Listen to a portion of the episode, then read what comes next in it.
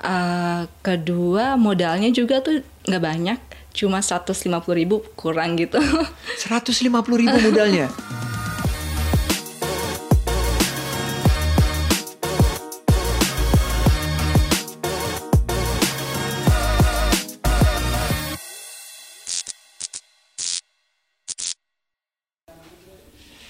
Oke. Okay. Make yourself comfortable. Terima kasih, Pak. Pokoknya kita nyantai aja nyantai. Silakan dipakai mikrofon. Cek. Udah nyaman? Iya. Tarik nafas. uh, kalau udah ready? Iya, Pak. Sudah? Iya. Oke, kita mulai. Selamat pagi Q. Pagi, Ini namanya sangat-sangat unik nih. Em, kayak hu- huruf Q gitu terus dipanggil Q. Selamat datang di podcast eh, Ruang Sandi dan bener nih panggilannya Q. Iya, Q, Pak. Nama aslinya Uh, nama aslinya Kamaril Hazi Adani. Kamarilia Adani. Adani. Iyalah gampang panggil Q lah. Q, oh, Pakai Q gitu jadi paling gampang dilihat. Dan saya udah lihat eh, suatu nama yang unik banget yaitu QQ Ruyuk di media-media online udah banyak terus di beberapa kanal medsos followernya sudah lumayan ya dalam waktu yang singkat. Jadi bisnis olahan ayam ini awalnya bagaimana dimulainya? Karena saya suka sama tulang gitu ya Pak. Jadi eh, dari 2016 emang mau buka usaha tapi eh, kayaknya aneh kalau tulangnya yang gede-gede gitu kan Pak. Heeh, jadi akhirnya saya cari cara gimana sih supaya dapetin tulang muda itu karena emang kebanyakan semua orang suka tulang muda gitu Pak. Akhirnya eh, saya coba cari ke supermarket, ke pasar itu nggak ada yang nge-provide itu. Ketunda dari 2016 sampai akhirnya baru yang kemarin 2020 Maret saya dapatnya.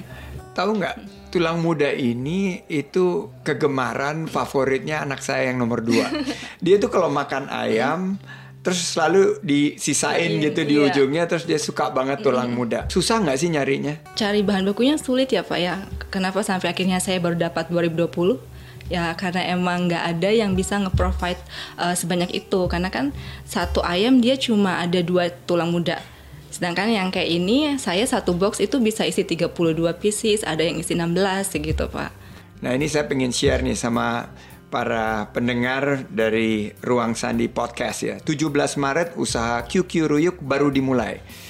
Setelah itu eh, inovasi produk pertama di Indonesia dengan mengolah tulang muda ayam. Ini saya ingat banget karena Amira anak saya senang banget sama tulang muda ayam. Empat hari sebelum launching sudah full order lewat Instagram, benar ya? Iya Pak. Apa yang menggagas pertama kali di kepala Mbak Q sebelum memulai uh, QQ Ruyuk ini? Hmm, karena suka sama tulang muda ayam dan saya nggak mau keduluan orang sih pak. iya jadi kan takutnya eh, ada yang udah duluan gitu kan. Pokoknya saya gimana caranya eh, siap atau nggak siap nggak usah pakai rencana langsung aja gitu. Toh udah ada bahannya gitu udah dapet gitu pak. Tuh Amira, kamu keduluan tuh sama Mbak Q tuh. Amira juga suka dan dia sebetulnya juga suka usaha ya. Sekarang lagi sekolah art, tapi itulah kalau kita melakukan ini dengan cepat, eh, peluang itu hanya terbuka sekali nih. Sekarang eh, luar biasa. Di satu ayam itu ada berapa tulang muda yang bisa ditemui? Yang saya tahu cuma yang di dada. Dada aja gitu. Saya juga cuma tahu dada aja sih pak. Katanya ada dua tulang muda, benar ya di dalam satu ayam? Eh, kanan kiri pak. Oh dada dua-duanya Iya, ya. iya. Dari mana tuh bahan bakunya banyak yang di eh, supportnya ke sini di suplainya dari mana? Dari luar kota.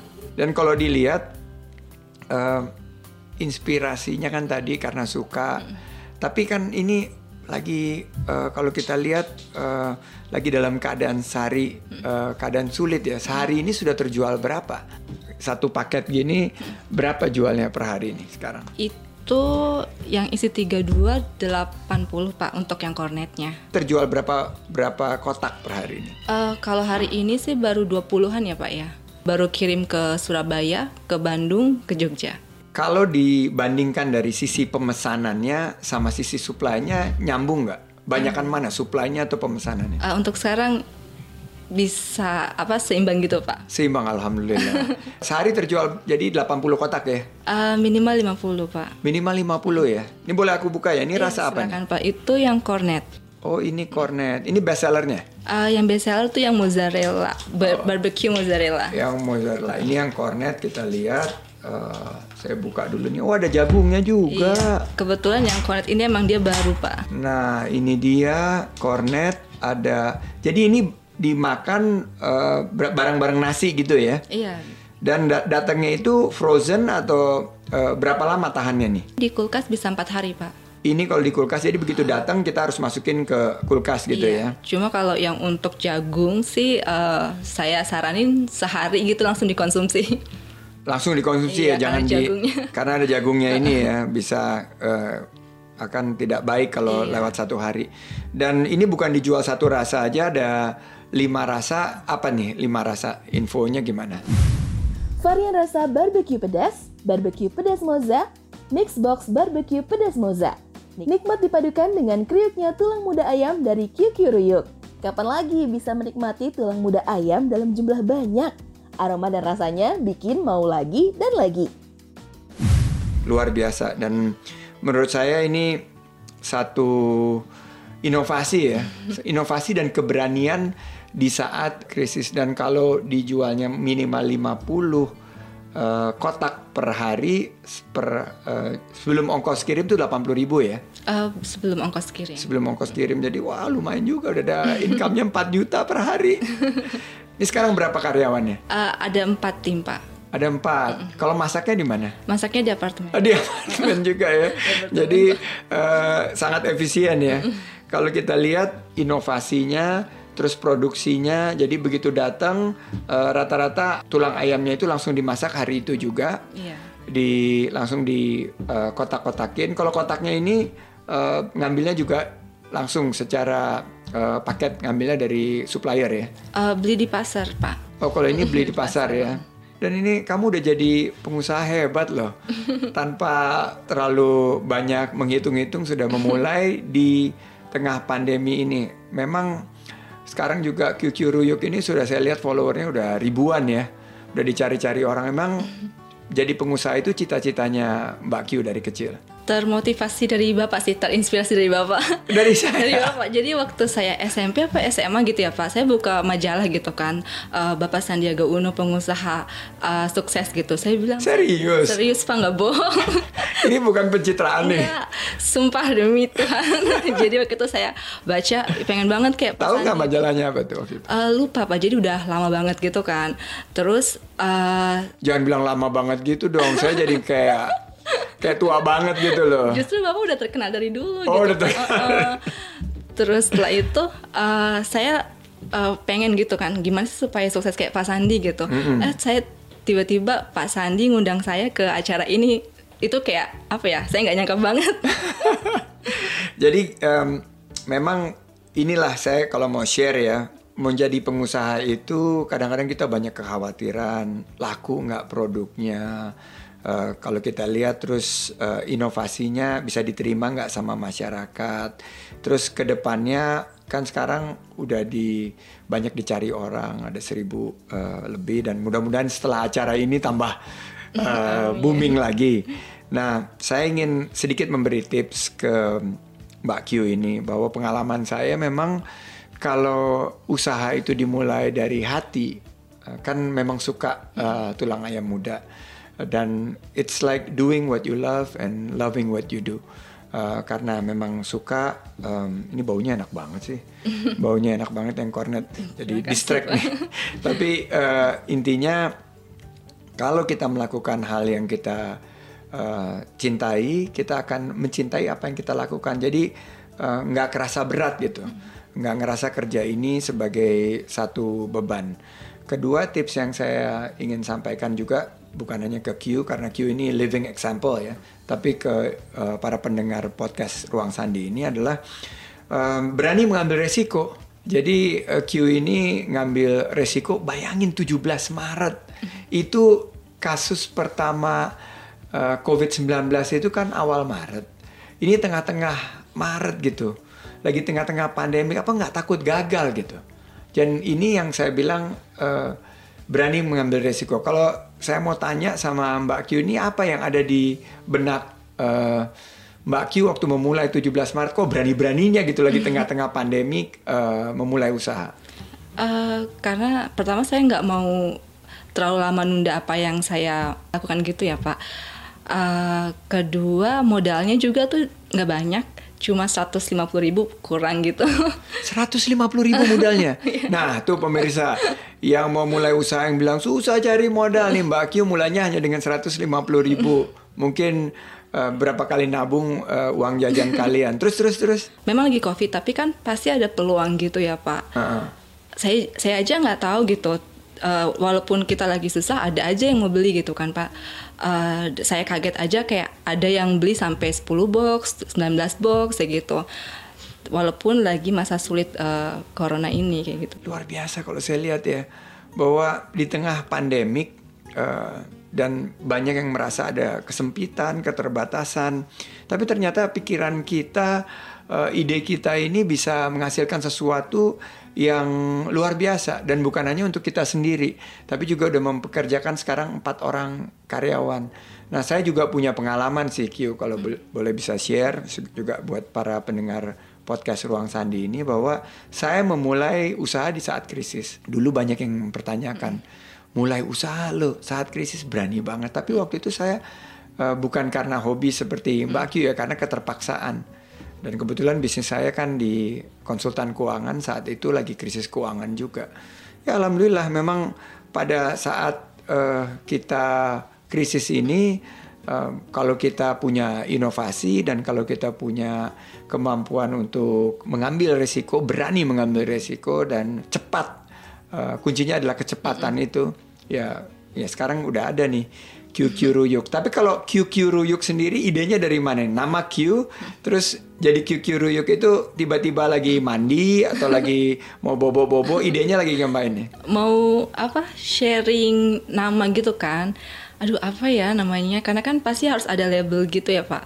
Uh, akhirnya karena setiap usaha yang saya punya kayak bulu mata palsu saya juga punya. Oh ini bulu matanya jangan-jangan bulu mata iya. palsu sendiri. bulu mata palsu sendiri gitu kan. Oh ya kayak minimal segitu ya.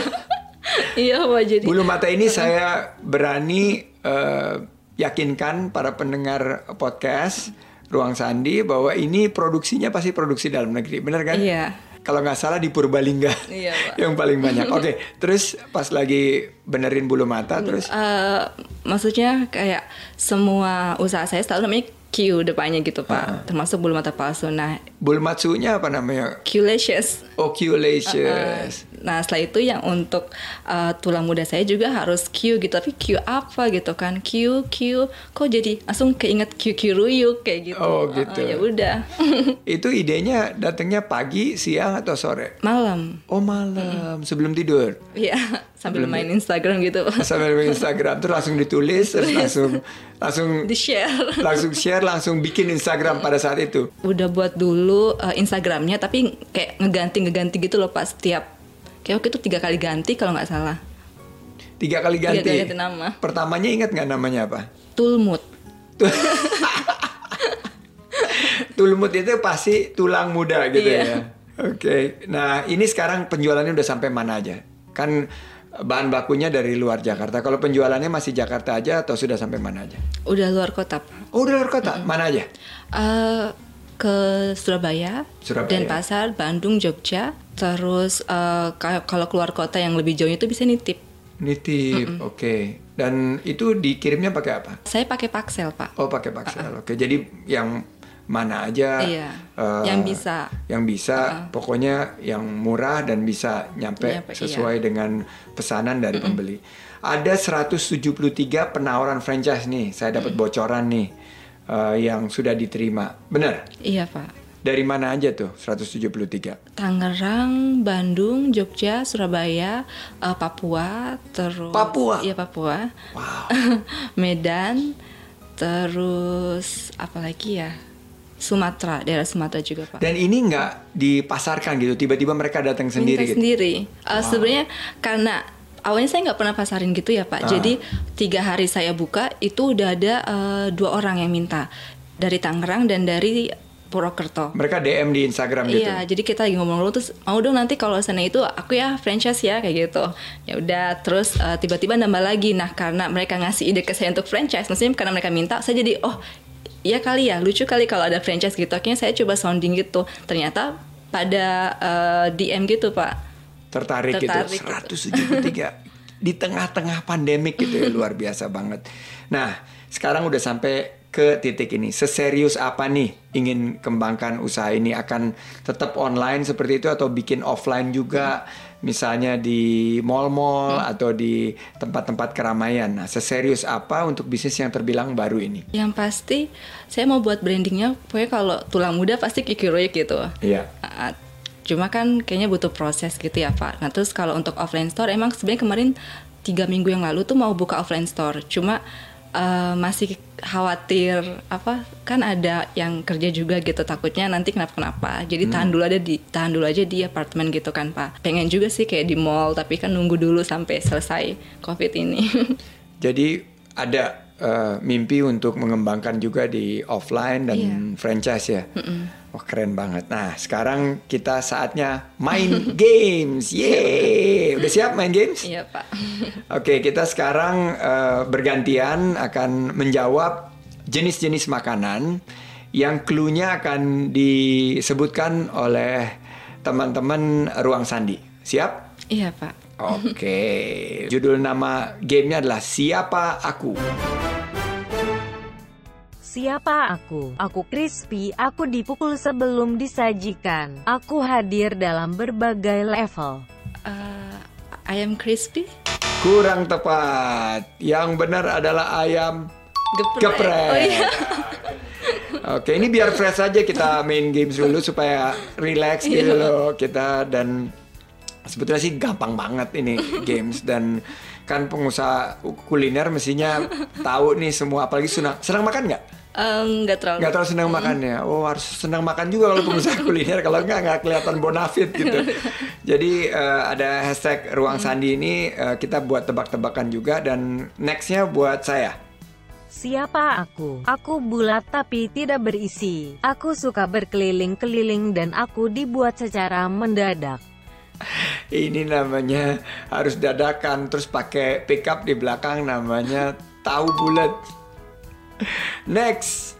Siapa aku? Aku diputar-putar di udara, ditarik ke kanan dan ke kiri. Lalu aku dimasukkan ke dalam ruangan yang panas. Arum manis, martabak, telur, Aku berasal dari Italia. Pizza, Yes, Ah, betul sekali. Martabak juga betul sih di, tapi nggak nggak terlalu begini. Kalau pizza kan sampai begini di atas ditarik ke kiri ke kanan. Tapi mirip mirip mirip mirip mirip. Pak. Siapa aku? Aku dimakan dengan sumpit. Aku berselimut si hijau dari laut. Aku berasal dari Jepang. Nah ini kalau dimakan dengan sumpit itu ya masakan Jepang semua makan di sumpit lah. Ini sama aja lah. Makan dari sumpit, eh, biasanya mie ya. Terus berselimutkan si hijau dari laut, seaweed. Biasanya tapi kalau nggak mie ya sushi, bener nggak sushi? Betul, yeay. Berapa skor nih? 31. 3-1, oke. Siapa aku? Aku bulat, agak besar, agak kecil. Aku selalu berendam di air panas bersama kuah.